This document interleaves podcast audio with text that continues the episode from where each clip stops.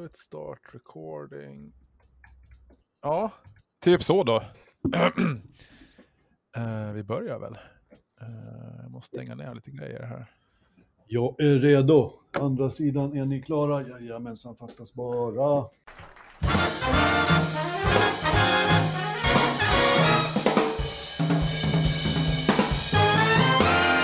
Avsnitt nummer 61 av Ålands Handel. Jag heter Fredrik Rosenqvist och med mig har jag Jörgen Pettersson som har blivit ett år äldre sen sist. Du har ju fyllt år, grattis! Tack för det, men det hjälper inte. Jag är chockad idag. Jag är djup chock.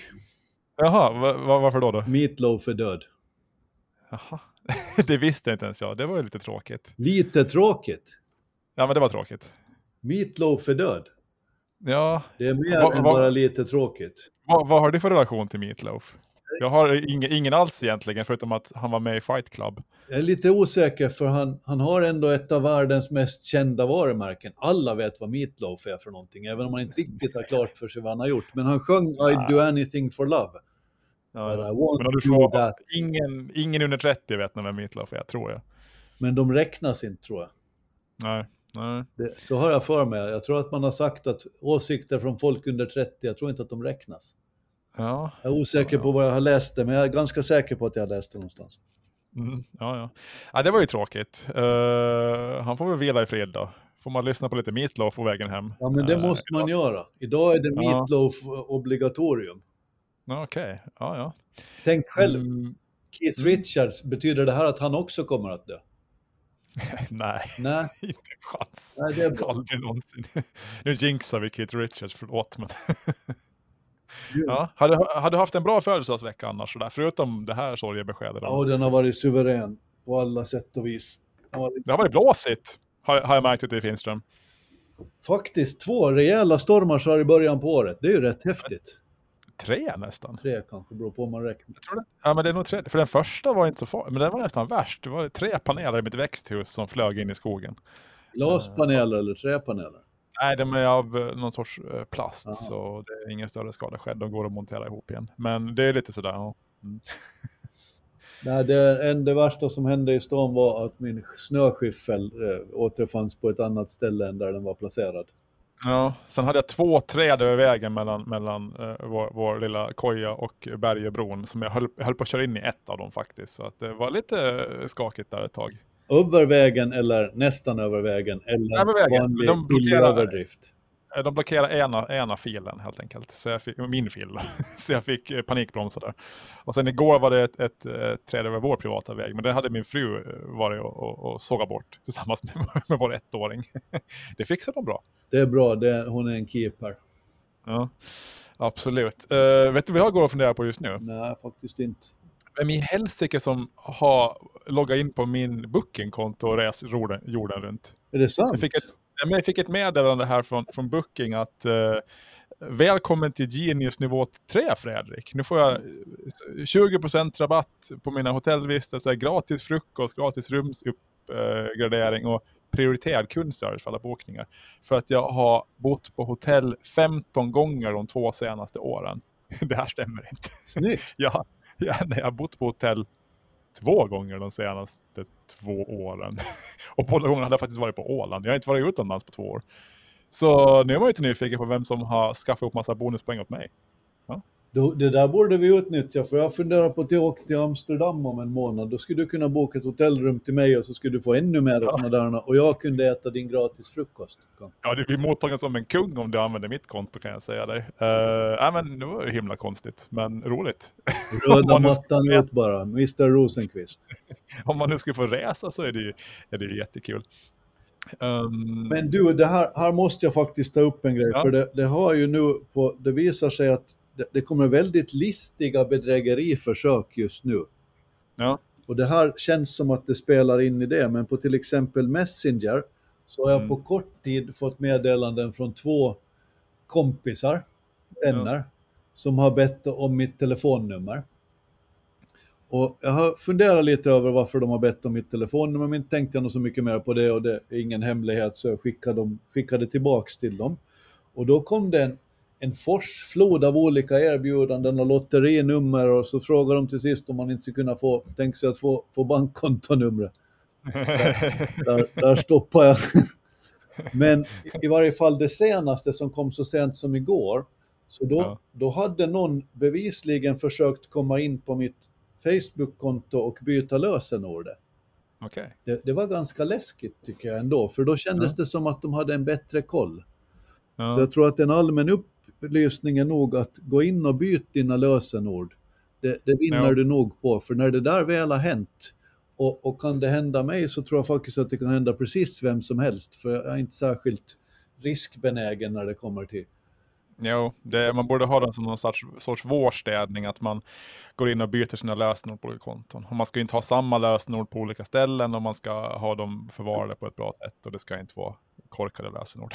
så, uh, så det är bra. Det kan ni ha uh, som hemläxa ni som lyssnar till nästa gång. Byt era lösenord. Um, jag köpte en ny dator här, här, här sisten, så den, den varnar mig för att du har samma lösenord på de och de och de kontona, ändra dem. Hur, hur vet den det? det var läskigt. Nu är jag nyfiken. Vad köper ja. Dr. Rosenqvist för dator? Vem, vem, till vilken familj tillhör du? Nej, jag, jag har ju sagt det förut. Jag är Mac. Jag har varit det alltid. Eh, så det blev en iMac.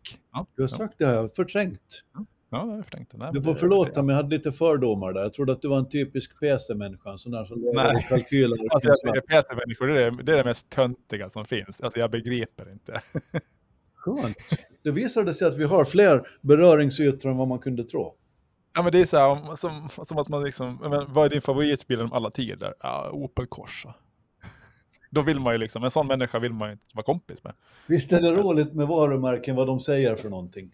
Ja, jo, jo. Opel har, jag skulle ha svårt att köra en Opel faktiskt. Ja, jag körde faktiskt en Opel Kadett uh, som jag fick av min far. Um, det vet när man inte hade så mycket pengar och sådär. Det har jag fortfarande inte. Men... Hur kände du dig då? Kände du dig tråkig? Uh, jag kände mig ganska äventyrlig i och med att den inte hade typ no, no, något golv. Den hade rostat sönder. Så man såg typ marken när man körde. Så jag tyckte det var lite wild and crazy sådär. Den bästa bil jag hade var en Morris Marina automatväxlad. Ja, okej. Okay. Det, var, det var på den tiden som man körde med gengasmotorer ungefär. Mm. Um, förutom, en, det här var ju en bra nyhet att jag får massa rabatter då på, på när jag bokar hotell. En annan bra nyhet som jag tycker är bra i alla fall, att vinylförsäljningen ökar med, 30, med 50% i fjol i USA. Det alltså vinylskivor. Och för de som är under 30, det är sådana här snurrande grejer som, som låter. Stora och fina och breda. Ja, och går sönder. Och med snygga omslag. Ja, i vilket fall som helst så stod vinyl för 38% av alla sålda musikalbum i fjol. Och då räknar man in digitala album. Uh, så vinyl, det, det är grejen. Och jag hör liksom ganska många unga som, som, som börjar med vinyl och sådär. Så det är det som är det shit nu jämfört med alla andra CD-skivor och, och minidiskar och, och att köpa hela album på iTunes, vilket typ ingen gör då. Men, ja. Hemma i vår källare så har jag en gammal Pioneer skivspelare med ja. stora högtalare som nu dessvärre är trasiga. De borde kanske uppdateras. Men mm. i varje fall så mina söner då, jag har tre stycken, så har jag i repriser varit där nere väldigt mycket genom åren och spelat pingis och umgåtts med pojkar och, och gjort det som killar gör. Och då har man samlats kring LP-skivorna och spelat mina gamla skivor på skivspelaren. Mm. Och det har känts otroligt fint på något sätt. Och jag kan mm. själv komma på att sakna det här försiktiga, knappt förnimbara raspet ifrån en den här lilla nålen som, som löper längs med spåren på skivorna. Mm, de ackompanjerar själva musiken. Så häftigt. Om du skulle, om, om du skulle få, få liksom, eh, inte den sista måltiden, men den sista, sista lyssningen någonsin på en vinylskiva, vilken skulle du ta då ur samlingen och lyssna på? Den där är svår. Jag, jag, blivit, jag, jag, jag, tror att jag skulle måste ta Chess, ja. Jaha. Chess okay. på vinyl, jag tror att jag skulle måste ta Chess. Ja, ja. musikvärldens motsvarighet till Opel Corsa kan vi säga. Ja, det är ungefär det det är. Men det är ungefär så avancerad det är i min musiksmak, dessvärre. Mm, mm. Eh, vad, vad har du förhållande till väder? Du pratar ganska ofta om väder tycker jag. Nu har jag också gjort det, jag har nämnt stormar och sådär. Men du, du känns som en typisk vädergubbe, eller? Jag vet inte, det, det är faktiskt en, en Opel-spaning. Jag tror att man, man, man kan ha nått någon slags höjdpunkt på tråkighet när man inleder samtal om väder. Mm. Och du har petat in en liten väderpunkt här i körschemat. Du har fått en, en väderstation, eller? Ja, när jag fyllde år så fick jag en väderstation av min mamma. Ja. Du är inte glad över den presenten då? Jag är jätteglad över den. Det var det första jag gjorde att installera den. Jag satte upp sensorer i trädgården och i huset och nu följer jag väderleksprognoserna och temperaturerna med, med en decimals noggrannhet överallt okay. dygnet runt. Så du hade full koll på de här kommande stormarna med din väderstation? Nu, nu är det fara och färd här. Bäst att, bäst att ta in trädgårdsmöblemanget. Jag är lite misstänksam mot den. Den är inte riktigt kalibrerad ännu tror jag. För eh, så sent som igår morse så sa den att det blir strålande sol idag. Okay. Jag tror att det inte riktigt är färdigt ännu. Jag har ju också en väderstation och den är ganska korkad. Ibland så, den visar vad det är för väder nu tror jag. Vilket är så här, varför behöver jag veta det? Jag kan inte titta ut genom fönstret, jag ser att det är sol. Det här har sin upprinnelse i att min, min mor, som många andra på landet, så brukar mäta hur mycket regn det har fallit. Det gör man av, av rent försörjningsmässig, eh, försörjningsmässiga skäl eftersom man vet hur mycket vatten man behöver bära ut på sina land för att man ska få mat på bordet på kvällen, lite yvigt betraktat. Eh, jag har alltid varit extremt ointresserad av det där.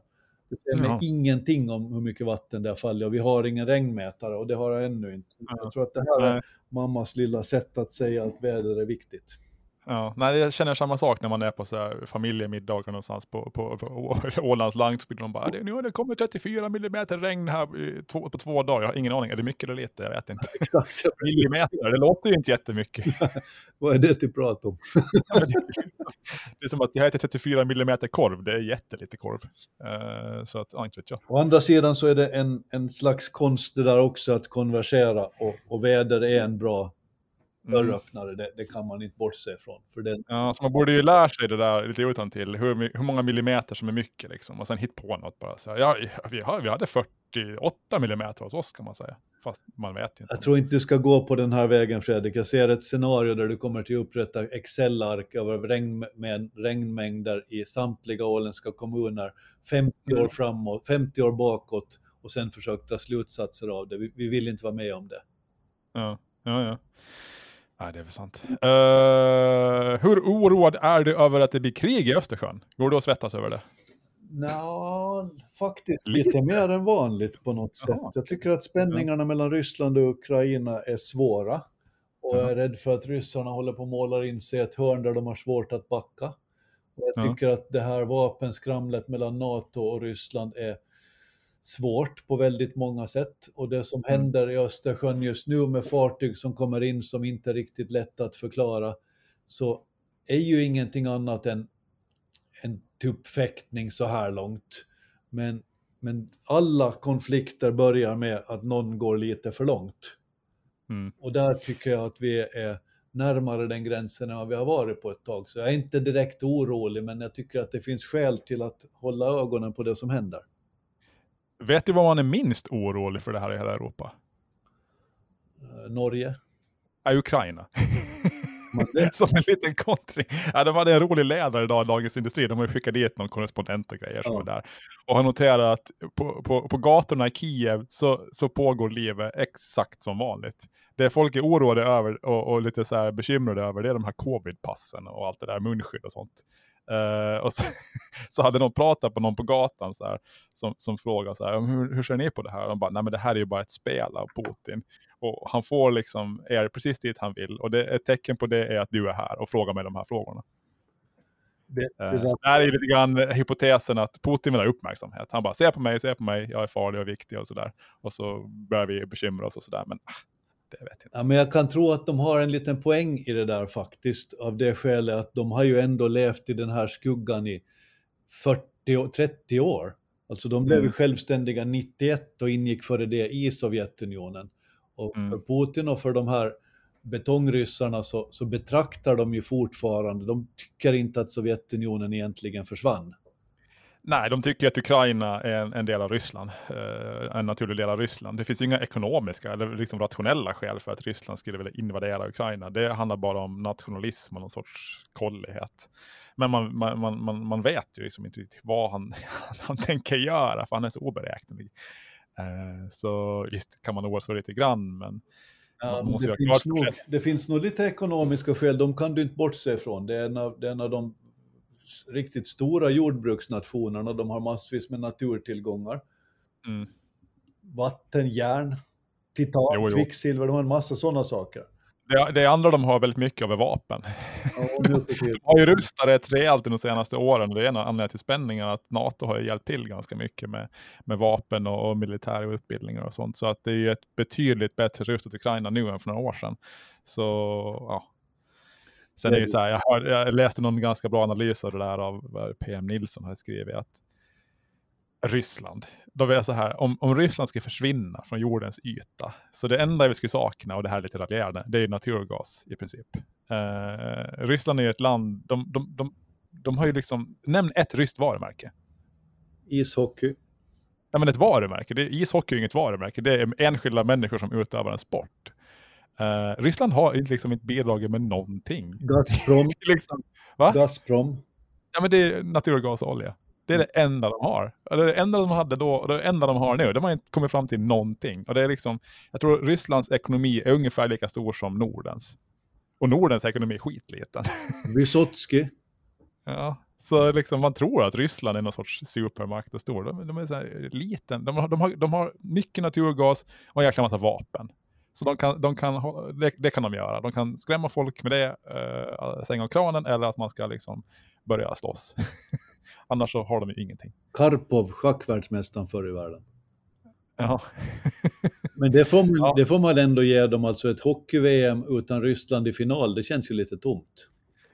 Jo, men de är bra på sport och schack. Ja. Men det är ju inga varumärken. Alltså de har ju, de, men tänk Sverige eller Finland, hur många varumärken där som kan, kan man nämna som, som hela världen känner till? Spotify och H&M och Volvo och allt möjligt. Uh, Ryssland, ingenting. Vodka, inte det ett ryskt varumärke? Alltså de har väl kanske några spritsorter, men de, de är väl amerikanskt, ja, Smirnoff och sånt, det är ju alltså amerikanskt ägt och sådär, så jag vet inte riktigt. Det är uh, intressant, vad har, jag, jag kommer inte på ett enda.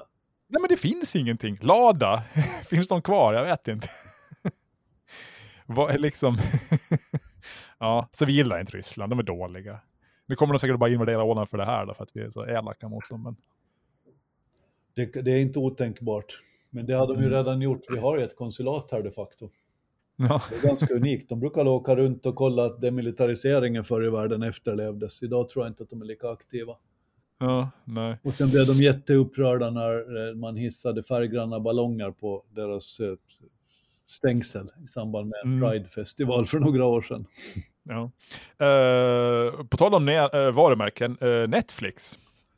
Har du en liten spaning kring? Du som är Netflix-användare, jag är inte alltså. Ja, men det där har jag märkt faktiskt i, i vårt eget lilla hushåll att strömningstjänsterna, det är där som kriget pågår idag. Ja. Stora strömningskriget. Det finns Netflix, det finns HBO Max, det finns Disney, det finns en uppsjö av dem. Discovery Plus då, ja. Precis. Och jag har alltid tyckt att det börjar bli svårare och svårare att veta var man har sett olika serier. Mm. Eftersom man har lite olika former av dem. Och, och nu så ser det ut som att, att Netflix, de, de räknar med att de ska få 2,5 miljoner nya abonnenter under årets första kvartal. Och mm. det är mycket färre än vad analytikerna på Wall Street har trott att de skulle få. Och mm. Därför så rasade aktien faktiskt med hela 18 procent igår. Mm. Och det är mycket tycker jag. Och det, det stärker min uppfattning att, vi, att strömningskriget har blivit så komplicerat att du vet inte längre vad som är upp eller ner mm. riktigt i den det Netflix har för sig det är att de kan höja priserna väldigt kraftigt utan att folk verkar bry sig. För man är så fast i Netflix. De höjer ju priserna nu i USA och Kanada som är deras viktiga marknader med, jag vet inte hur många procent, det var över 10 procent tror jag. Det var en jättestor höjning. Men eh, det är lite roligt, jag lyssnade på någon sorts analys av Netflix här för några veckor sedan. Och I början med, Net med Netflix var ju idén lite grann att, att ta de här stora filmerna som de här stora studiorna gjorde och, och, och, och, och liksom strömma dem online. Det heter ju Netflix. Flix är ju slang eh, för filmer på engelska. Uh, det där är, är, ju, är ju i princip borta från Netflix och det kommer ju att försvinna. Uh, för de, de, de köper ju inte in några, några storfilmer uh, längre av de här stora studiorna från Disney och, och Paramount och Universal och Sony och allt vad de nu heter. Uh, det gör de inte. de satsar ju bara mer och mer på serier. Oh. Och en, en, en, liksom, en liksom framtidsspaning där, vad, vad, kommer Netflix att vara om fem år? Uh, jag tror det kommer att vara ungefär som TV3 var på, på 90-talet, eller femman. en massa sådana här liksom, ganska lågbudget-serier som är på säsong 43. Som bara vävar och vävar på. Som man, liksom, man tittar på någonting utan att egentligen bry sig eller följa med speciellt noga. Men det är liksom tittandets motsvarighet till bokfylla ungefär. Oh. Så tror jag Netflix kommer att bli. Medan de här stora studiorna som, som har liksom muskler att lägga på storfilmer, de, kommer ju, de behåller ju sina egna filmer. Och sen säljer de det som de vet att kommer gå dåligt. Så det är ofta det som Netflix och de här HBO köper in. Att det är sånt som de här stora studiorna inte vill ha längre. För de, de märker att det är något som har gått knas i, i, produktionen, så de vet att det här kommer inte att bli någon stor hit. Så vi, vi, vi säljer det till streaming, till någon annan. Alltså det där ger jag dig, där tror jag att du har dragit rätt slutsatser faktiskt. För min egen spaning är att Netflix har blivit lite för mycket fantasy och lite för mycket paller och jål på rätt rent ja. Och det, där... och det kommer bli mer paller och jål ja, var... framöver också. För, för det stärktes ju av när jag såg på, på ditt tips faktiskt, Dopesick på HBO mm. Max. Mm. Det är ju en jädra stjärnserie det. Ja, Den är ju helt fantastisk som, som faktiskt både roar, mm. upplyser, förskräcker och inspirerar allt på samma gång. Mm. Ja. Uh, absolut. Och sen uh, såg jag häromdagen att YouTube lägger ner sin satsning på original content, alltså att göra egna, egna filmer och tv-serier. De startade den för sju år sedan. Nu, nu drar de upp pluggen på den. Och det enda de egentligen åstadkom av värde, det var Cobra Kai, den här uh, Karate Kid spinoffen, som nu finns på Netflix tror jag. De, Har du sett den? den? Jag såg första säsongen, den var skitdålig.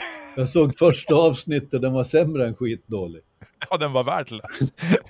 det kan ha varit, det var, det var en sån ja. kalkon så att den nådde, mm. nådde Uber-kalkonhöjder.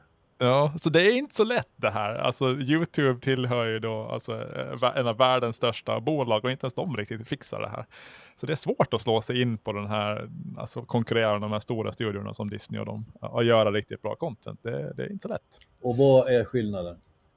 Ja, jag vet inte. Jag vet jag. Det handlar om briljansen i hjärnorna hos dem som sitter och funderar ut innehållet. Mm. Så enkelt är det. Det har inte med teknik att göra där, inte med pengar att göra där, inte med catchy effekter att göra. Nej. Det har att göra med vad har du för berättelse som du vill berätta. Mm. Så enkelt är det. Har du någonting att säga, säg det. Ja, ja.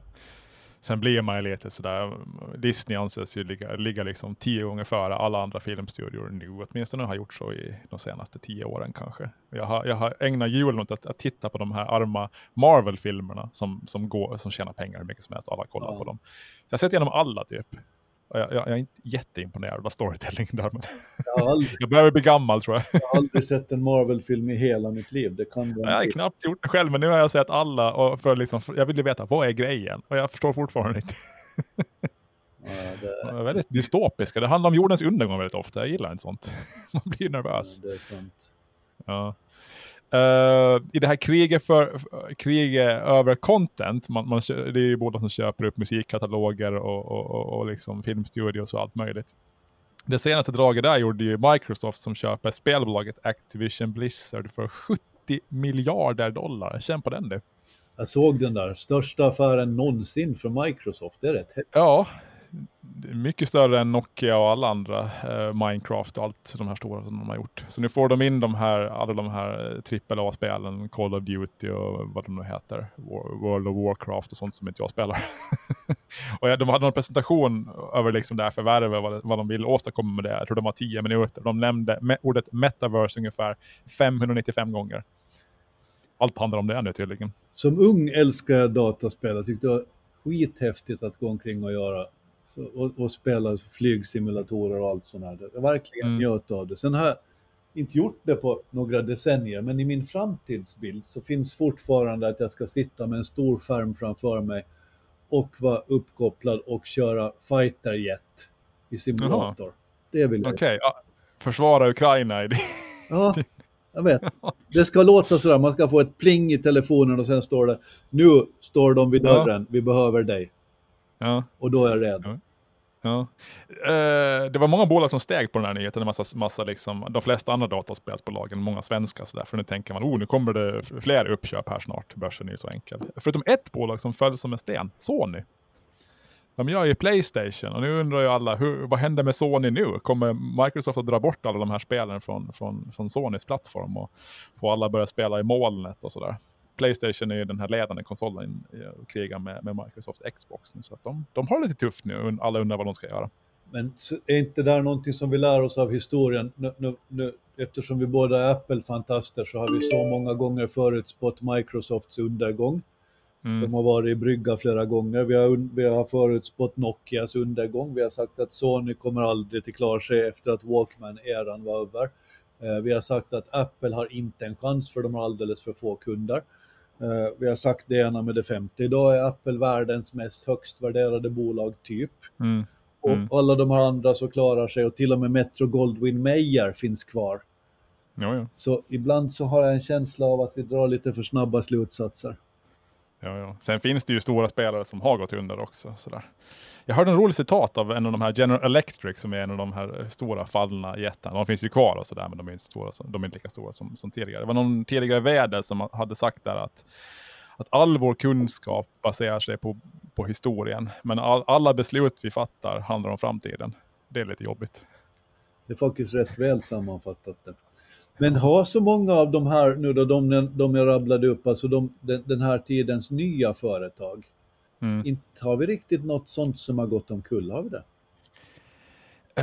Um, nej, inte på rak arm är det väl riktigt så, nej. Inte gått omkull. Vissa har ju, är inte lika stora som de var en gång i tiden, under, när de har varit som mest hypade och sådär. Ja, men sådana som, ett som jag tänker på till exempel Skype, de måste ha det rätt jobbigt tycker jag idag.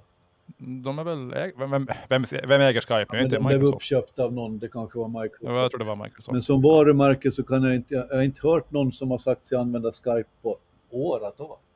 Nej, det, det blev väl Zoom och, och, och Teams och, och och sådär när det, när det... Ja. ja. Mm. Uh, lite mer, uh, sen måste man ju säga, Microsoft är ganska opportunistiska här. Activision Blizzard har ju haft en superskandal uh, de, det gångna över typ halvåret. Det har ju uppdagats en, en, en, en, en arbetskultur på det bolaget som är hemsk. Det är liksom, jag vet inte hur många tiotals människor som har fått sparken och sådär på grund av att kvinnliga anställda har utsatts för en massa alltifrån typ nästan våldtäkter till trakasserier av olika slag. Det har varit en sjuk företagskultur och det här skickar ner aktien i, i källaren och då passar Microsoft på att köpa när det är billigt. Det är som alltid, alla gör som i Billions, när ja. Trade Center står och brinner så ska man blanka flygbolagsaktier. Det är mm. utnyttja krisen. Utnyttja krisen, ja. Uh, med Ryssland vill du prata om, Sen, Rysslands centralbank av alla, alla Ja, men det där är ju en nyhet som jag inte riktigt förstår på många skäl. Jag förstår inte Ryssland och jag förstår inte kryptovalutor riktigt. Men nu har Rysslands centralbank, och det här hedrar dem, de vill stoppa all handel med kryptovalutor och de vill stoppa utvinningen av valutan inom landet. Och de är idag världens tredje största utvinningsland av denna kryptovaluta. Efter mm. USA och skräll Kazakstan. Ja, Tidigare var Kina till dem också, men Kina har ju nu stoppat det här. Ja, och då flyttar många till Kazakstan. så borde minska på elförbrukningen i världen. Det borde det göra. Eh, Bitcoins och sånt drar ganska mycket ström, ja. Så att, mm. Jag har ingen riktig slutsats kring det, men det hedrar dem på något sätt ändå att försöka sätta stopp för sånt som i vart fall inte jag begriper mig på. Man får söka ljusglimtarna i det kompakta mörker som omger oss i dagen. Dagens, både dagens hyllning och sågning till, till Ryssland. De, de gör ingenting vettigt att bara hota med krig, men de stoppar åtminstone bitcoin, det är bra. Ja. Sen lite organdonationer hade du också en spaning om. Det här, är du organdonator? Eh, det tror jag inte, nej. Eller om man inte vet det, så då är man kanske knappast det, nej. Alltså idag är det jättelätt att bli det. Mm. Eh, jag är det bara sedan några månader tillbaka, för man kan på Kanta där man hittar sitt covidpass, så kan man eh, anmäla sig som organdonator. Okay. Och det tycker jag är en ganska fin grej egentligen. Mm. Eftersom du, du dör ju, det är ju ofrånkomligt. Än så länge, ska jag säga. Och, och, då, och, och beroende på hur du gör det så, så kan dina delar användas till andra. Och då är jag så pass pragmatisk till min läggning att jag tycker det är synd om ingen kan använda mina delar om de fortfarande är bra. När jag tar in årorna. Ja. Och då tänkte jag göra en påminnelse först då till dig att du ska anmäla dig till organregistret. Men sen tänkte jag att eftersom du alltid brukar ha, ha analyser på, på det som händer så, så undrar jag om du ser no, någon, någon risk med att vara en organdonator? Tycker du att det finns några moraliska eller etiska eller religiösa överväganden man borde göra? Eller är det bara att säga ta allt? Uh, jag kan väl inte tänka mig att det finns någon, någon, någon risk med det. Det jobbiga är väl att man tvingas tänka över sin egen dödlighet och det vill man ju helst undvika. Så att, Men på ett sätt kan man slippa tänka på den om man Ja. anmäler sig som organdonator. du menar att det är gjort då? Ja, exakt. Eller man lever vidare, min lever, lever, vidare, lever vidare. Ja, men tänk själv om du ligger där då i, i en trafikolycka eller var du ligger och känner hur, hur livet rinner ur dig. Ja, nu vill jag ju inte tänka på det då, men okej. Nej, vi men visst, vi- det är hypotetiskt. ja, Och så tänker du att jädran, det här hjärtat som jag har jobbat så hårt för, jag har sprungit och hållit på och grejer. ja, jo, jo. Det skulle vara bra om det skulle komma till användning. Och så kommer man på att, ja men shit, jag har ju glömt bort att anmäla mig till organregistret. Mm. Mm. Det är ju jobbigt det. Ja, Då känns det ju grann. bättre om man tänker att, ja nå, okej, nu gick det så här, men, Ja. men mitt hjärta kommer ju till leva vidare. Ja, ja. ja, nej, jag skrev upp det här. Jag ska, jag ska anmäla mig. Bra. Bra, bra påminnelse. Då har vi fixat det idag. Om fler Ja. gör det så, så är det bara fint alltså. Mm. För, för vi har ju fått våra organ av någon, någon gång. Och det, det är ju verkligen trist ifall de inte kommer till nytta hela vägen. Nej, nej, nej. Eh, på tal om organ, så dök det upp ett organ, kan man säga, på en skärm lite oväntat på Åland häromdagen. Och det är inte den enda skärmen som har blivit utsatt för lite, lite, lite hackar och annat den senaste tiden, eller? Ja, men det har ju att göra med, jag, din, din bookingkapning, mitt Ja. nästan eh, Facebook-övergrepp, Ja. penishacket i Ålandstrafiken. Ja. Och nu kommer dessutom eh, rapporter om en riksdagsträff som handlade om, som ordnades av den tvärpolitiska föreningen med eh, det, det slående namnet citat, varken hora eller kuvad, citat slut. Det Mm. måste avbrytas eftersom det blev kapat av nazistiska symboler och Oj. musik med olämpligt innehåll Ja. dök upp. Ja. Börjar vi inte se en trend? jo, jag hade, jag hade en kompis som skickade den, där, den här kapningen av Ålandstrafiken. De, de, för de som inte har läst det här så var det då att de här infoskärmarna som visar vad när nästa buss kommer eller någonting. Där dök det upp en, en bild på en, en, en manslem helt enkelt som man fick titta på. Uh, jag hade en kompis som messade att det var väl för väl att ungdomarna hittar ett nytt sätt att klottra på när man inte får gå ut och gå i skolan längre. Och sådär. så ja, Vet du, det var, det var min alldeles första reaktion också. Äntligen lite bus. Så nej, man ska inte hålla på med, med sånt. Men lite bus, det, det är lite kul ändå. Sådär. Det är ju ingen som egentligen, får vi hoppas, kommer till skada. Om inte någon, någon den där eh, snorren på skärmen och fick hjärtsnörp och blev ofrivillig organdonator. Men det är lite harmlöst samtidigt. Till alla er som ägnar er åt penishack, ni får inte hålla på med sånt, men ni förstår vad vi menar. Ja, precis. Jag, jag, jag, var med i ett Teams-möte var det igår eh, och så ska jag koppla mina hörlurar eh, genom bluetooth och sådär. Och så gick jag in på den här delningsmenyn och sådär. Och då hittade jag en offentlig skärm i det här huset jag jobbar i. Att jag kunde koppla mig mot den. Då direkt tänkte jag, här finns ett läge att att göra någonting. Men jag höll mig. Det, det blev inga konstiga bilder i, i det här huset där jag sitter. Fredrik, inte du väl feg, inte va? Ja, och lite feg är jag. när, när man gick var- runt och, och, och tjuvplingade på dörrar när man var liten och sådär. Var- Jag var ju den som aldrig vågade. När vi växte upp i Godby så lät det alltid faktiskt, inga vågar du. Nej, nej, men, så- och då var man ju så här, nej jag vågar inte.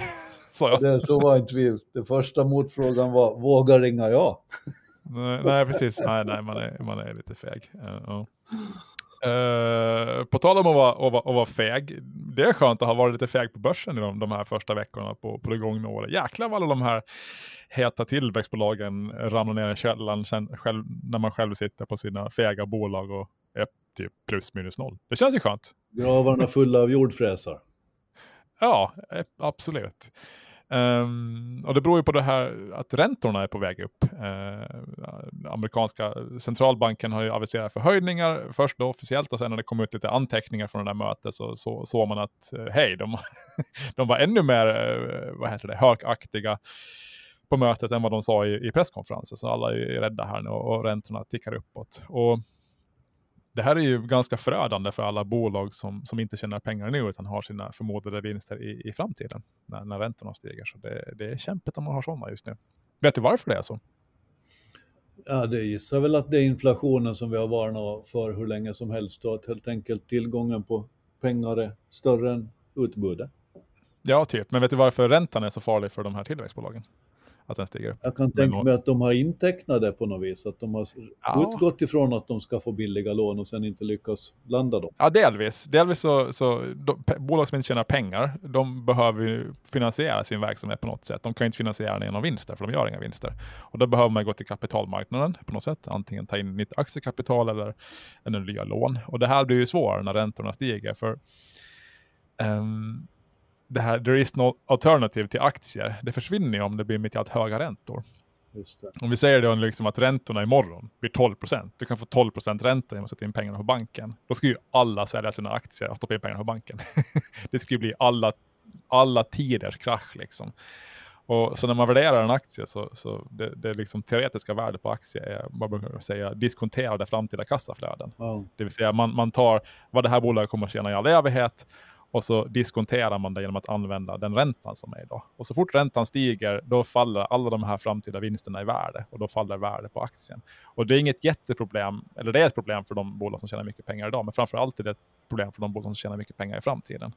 Så det är därför räntan är så otroligt, eh, liksom, får så stor effekt på de här bolagen. Så, ja. Tyvärr var jag aldrig särskilt medveten när räntorna pikade typ förra gången. Då köpte jag mitt första, min första bostad. Det var på 80-talet kanske. Mm. 90-talet var det nog på. När, när de peakade var det, då betalades vi räntor på 15 procent. Mm. Vilket var helt galet och någonting som folk inte ens förstår att ha hänt i dagens läge. Men det som jag inte kan minnas och som jag inte heller har forskat i är hur det gick till innan vi stod på 15 procents räntor hur mm. lång den här ledtiden var, om det var någonting som hände över två år eller om det hände över tio år eller 20 år. Mm. För det kan ju vara så att vi står nu i början och om, om fyra år så, så är våra räntor 15 procent igen. Vilket säkert händer någon gång kan jag tänka mig eftersom historien tenderar eh, upprepa sig. Det är inte helt säkert. Det är som sagt, all vår kunskap baseras på historien, men vi kan inga veta någonting i framtiden. Jag tror vi aldrig kommer få ränta på 15 procent igen, aldrig någonsin. Nu är liksom räntan vi... hög, då säger vi den är 1,8 procent på amerikanska stats, tioåriga statsobligationer. Då måste man komma ihåg att inflationen är typ 7 procent, så den, räntan är egentligen typ minus 5. Så, vi har ju negativa realräntor just nu. Uh, om du har ett banklån idag på någonting och du betalar, vad du nu betalar, 1% i ränta och inflationen är här då är väl 4-5%. Alltså det är ju en lysande affär. Det, det där lånet minskar ju i värde snabbare än vad du betalar ränta så att du tjänar ju pengar på det. Men tycker du verkligen att det är långsiktigt? Det? är det hållbart ska jag säga? Uh, ja, man kan diskutera varför räntorna är så låga. Uh, den här produktiviteten på kapital har gått ner så, så, så länge och så mycket. Uh, så att, ja. För räntorna hör, hör ju nog rätt intimt samman med, med utvecklingen på börsen. Som du har sagt. Mm. Sen är det sådär, man kan hävda att räntorna, realräntorna har varit en fallande trend sedan ungefär 1300-talet. Med undantag för 70-80-talet, då det var extremt höga räntor. Men det, den perioden är egentligen en, en, en anomali i, i hela liksom räntans historia. Och alla som är, liksom, var någon sorts vuxna eller med, med medvetande 70-80-talet tänker att som det var då, det är normalt. Vi ska nå tillbaka dit. Men faktum är att det var ganska onormalt. Det är mer normalt som nästan det är nu skulle man kunna hävda. Så jag kan släppa den skräcken? Du kan släppa den skräcken för du har faktiskt ingen aning vad som kommer att hända i framtiden. Nej men det har du då menar du? Nej, men nej, men det, jag, jag, tror inte man ska tänka sig att, att vi kommer komma tillbaka till den räntan bara för att vi har haft den förut. Det, det är fel. Det kan bli precis vad som helst. Det är samma sak som när någon kollar på en aktie.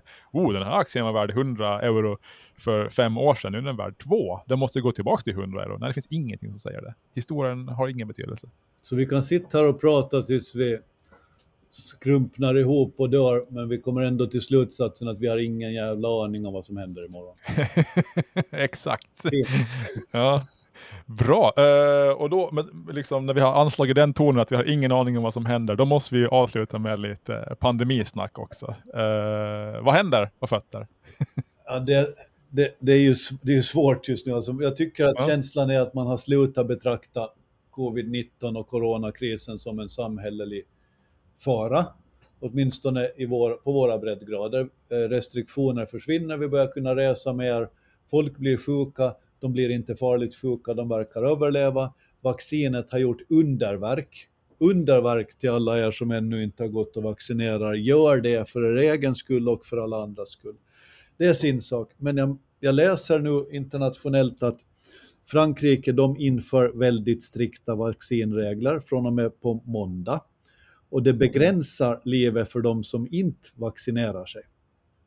Och det säger de helt enkelt med att det är nödvändigt om vi vill bevara och öka vaccinationstäckningen i händelse av nya varianter.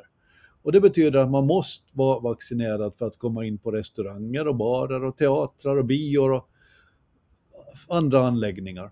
Och för att åka tåg och flyg. Mm. Och det här berör alla som är 16 år eller äldre. Alltså mm. fransmännen, mm. de är hårda tag just nu. Det har vi bara ja. sett tidigare i Österrike som också inför vaccinplikt. Mm. Jag tror att vi kommer dit så småningom. Ja, kanske. Sen tror jag väl att den här eh, omikron är början på slutet på pandemin i den meningen att, att vi har restriktioner och sånt. Vi kommer ju leva med det här viruset så länge vi lever. Men eh, jag tror väl också att man snart kommer att komma fram till att den inte är samhällsfarlig längre, det här viruset. Det är ju man pratar ju i de termerna och när det kommer lite resultat på hur farlig den här egentligen är så kanske det är den slutsatsen man drar. Du hörde dig själv nu, vad gjorde du det? Ja. Du tror inte att den kommer att bli särskilt farlig. I meningen innan så sa du att om imorgon har vi ingen aning. Nej, nej, det har vi ju inte. Nej. Men man får tro, uh, men man får inte. Nej, men det, det, det, har ju kommit preliminära resultat på, på, på hur farlig omikron är och det pekar ju på att den är väldigt mild. Men de är ju inte granskade liksom, vetenskapligt de här studierna nu, så man, man kan ju inte säga det med säkerhet än, men allting pekar ju på det. Liksom. Så man, det går ju åt det hållet. Det finns ju, jag tror det åtminstone i Sverige, jag tror säkert det är samma i Finland och de flesta andra länder, så finns det fyra sjukdomar som, som klassas som, som samhällsfarliga, varav covid-19 är en. Vet du vilka de andra tre är? Polio? Vattkoppor? Vattkoppor? Vem har dött i vattkoppor? ja, men man kan bli så. Påssjuka? Uh, det är ebola. Uh, det vill man inte ha. Uh, smittkoppor och sars. Och sen covid-19 då. Sars och covid-19, är inte de typ kusiner då? Uh, jag vet inte. jag har inte utrett det släktskapet. Men uh, dödligheten för sars är väl typ 20 procent. Uh, och det är betydligt högre än, än för covid-19 som det är nu. och ebola är ju typ 90 procent. Så att det här är väldigt, väldigt farliga sjukdomar. covid-19 går väl mot att vara mindre farliga än de åtminstone. Mm. Det är bra. Mm. Det är bra. Det är bra. Så ja, kanske ett par veckor till av det här eländet, sen, sen är det över. I Sverige tar man från och med idag, samtidigt som eh, Eckerölinjen är tillbaka efter att ha dockat sitt fartyg Eckerö. De körde första turen i morse trots att det stormar, eller det var inte storm mera, men det var ganska hårda vindar. Mm. Så numera i Sverige, dit får man åka fritt. Och eh, i slutet på månaden så blir det fritt även andra vägen, så nu eh, är vi snart tillbaka på banan igen. Mm. Ja det har ju varit rätt skönt att de här, om man skulle få välja en månad när det är jättestrikta restriktioner så är januari, det ligger högst upp. Alla har en vit månad ändå, ingen har några pengar, det är kallt och det stormar, man sitter ju ändå bara hemma. Det här, det här var perfekt timing. Ja, och många småföretagare så här, de tar ju ofta ledigt och åker till Thailand och sådär. Eh, eller något. För Invent att det är inga, inga kunder ändå liksom i januari. Så att... Inventering stängt, en klassiker inventeringsstängt och sådär. Så att, ja, det var, det var ser det positiva i allting. Bra tajmat, tack för det Corona. Ja, tack för det Corona, ja. att det inte kom i juli. Din jäkel. ja. Uh, bra, då tycker jag vi kör uh, veckans hyllningar. Du får börja. Jag skulle idag vilja hylla uh, min vän och, och, och tidigare koncernchef och Mr Chips på Åland, Sture Karlsson, som har gått och blivit biografägare på äldre dagar. Han har köpt Bio Savoy och ska nu hyra ut den till den nuvarande innehavaren för att eh, verksamheten uppenbarligen ska fortsätta. Om detta vet jag verkligen ingenting mer än de uppgifter som har setts i media. Men jag tycker det är en, en fantastiskt fin insats för kulturlivet eftersom bio ska ses, filmer ska ses på bio. Och någonstans kan jag ana ett kretsloppstänk i det här eftersom Sture Karlsson i sin välmaktsdagar faktiskt byggde chips mycket på egen hand. Han såg till att finnarna, hela Finland och för övrigt hela Norden plötsligt började ägna sig åt fredagsmys, vilket fick effekter för våra potatisodlande bönder och väldigt, väldigt många flera underleverantörer. Chips växte från en slags vision och tanke till någonting som blev oerhört stort och gjorde väldigt många ålänningar oerhört rika. Och alla vet ju att bio så kräver popcorn. Och popcorn var en del av chipsens ursprung. Så någonstans tycker jag att det sitter ihop och jag tror att Sture kanske ler lite åt sin satsning när han tänker på alla de som kommer att se på James Bond och allt annat som syns på bio och sitta där och käka chips och popcorn och faktiskt ha det bra. Kanske rent av göra fredagsmyset med extra allt. Mm. Chips på bio däremot, det är no-no. Låter för mycket. Okej, okay, popcorn då. Jag kan gå med ja. på det. Ja. Påsarna blev lite för prassliga. Ja, jo, ja precis. Ja, det är prassliga påsar och eh, krispiga chips. Ja. Uh, bra. Jag skulle vilja hylla kökar. Äntligen. Ja, men jag, jag, jag, jag höll på att sätta kaffe i vrångstrupen i morse när jag såg att de hade lyckats locka 25 sökande till den lediga tjänsten som kommundirektör i kökar. Och det var många från Sverige som sökte. Jag måste hylla dem. Jag har ingen aning vem som har skött den rekryteringsprocessen eller hur det går till. Eller, jag, jag, jag vet inte. Men någon måste ha gjort ett bra jobb någonstans. Jag reagerar på exakt samma sätt. Ja, men det här är alltså en ö. Den, den, är nästan omöjlig att ta sig till. Det tar två och en halv timme från Mariehamn. Tre timmar minst från Mariehamn. Och, och längre från alla andra ställen. Den ligger mitt ute i ingenstans. Ingen har någonsin varit där. Och det, det, är en rusning till den där tjänsten i ett läge där typ alla har jobb och ingen vill ha jobb knappt. Det är jättesvårt att få folk till, att söka till tjänster. Och så lyckas de få 25 sökande. Det är ju helt fantastiskt. Med det så... lilla tillägget att Kökar hör till Finlands hetaste turistdestinationer i dagens läge. Ja, de, de, måste ju ha någonting på gång där. Till och med du har, har ju börjat hänga på Kökar. Ja, ja. Kökar är allt nu för tiden. De har, de har ett rikare naturliv än alla andra. De har spännande ja. människor. De har fina hotell, otroliga restauranger, allt möjligt har de lyckats ja. bygga upp där. Så jag är inte särskilt överraskad mot den bakgrunden, men att de fick sådär många, det är hatten ja. av. Ja, men jag, man, man undrar så här, man är sugen på att ringa upp dem där, så här, vet du var, var du har sökt den här tjänsten? har, du, har du någon aning? men det är kanske det de har, det kanske är en trend att man, man ska gärna vilja bo på, på kökar. Man skulle ju vilja se det som ett led i den här uh, avurbaniseringen som vi brukar prata om. Mm, att ja. kanske borde komma till följd av pandemin, att man ser över ja. sitt liv och hur man vill göra och vad som egentligen är viktigt och sådär.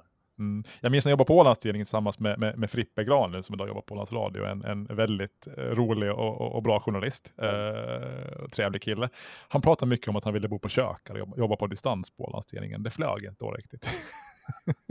det, var inte, det var inte liksom de tiderna då. Idag kanske det skulle funka. Så redan då var det någon som, som såg det här med, med kökar och, och, charmen i det. Liksom. Så han var lite före sin tid där. Kanske. Frippe är den enda jag vet i hela världen som har kört segway genom en biltvätt. Mm, man skulle kunna räkna upp hundra saker som han har gjort som är blivit bland de enda i världen. vi, vi, vi, tar dem någon gång. Vi borde få till kökar och, och göra, ett, vi får, får på turné, spela in poddar på kökar kolla liksom läget. Det är lätt ordnat, det fixar vi. Det gör vi när det blir lite mindre stormigt och, och lite varmare. Så då, då, gör vi en turné till Kökar. Det gör vi. Ja. Kökar, Bra. here we come. Mm. Uh, så säg upp kökar, vi är på väg. Uh, med det då så säger vi väl tack och förlåt för den här veckan. Hej och tack för att ni lyssnade och förlåt som vanligt.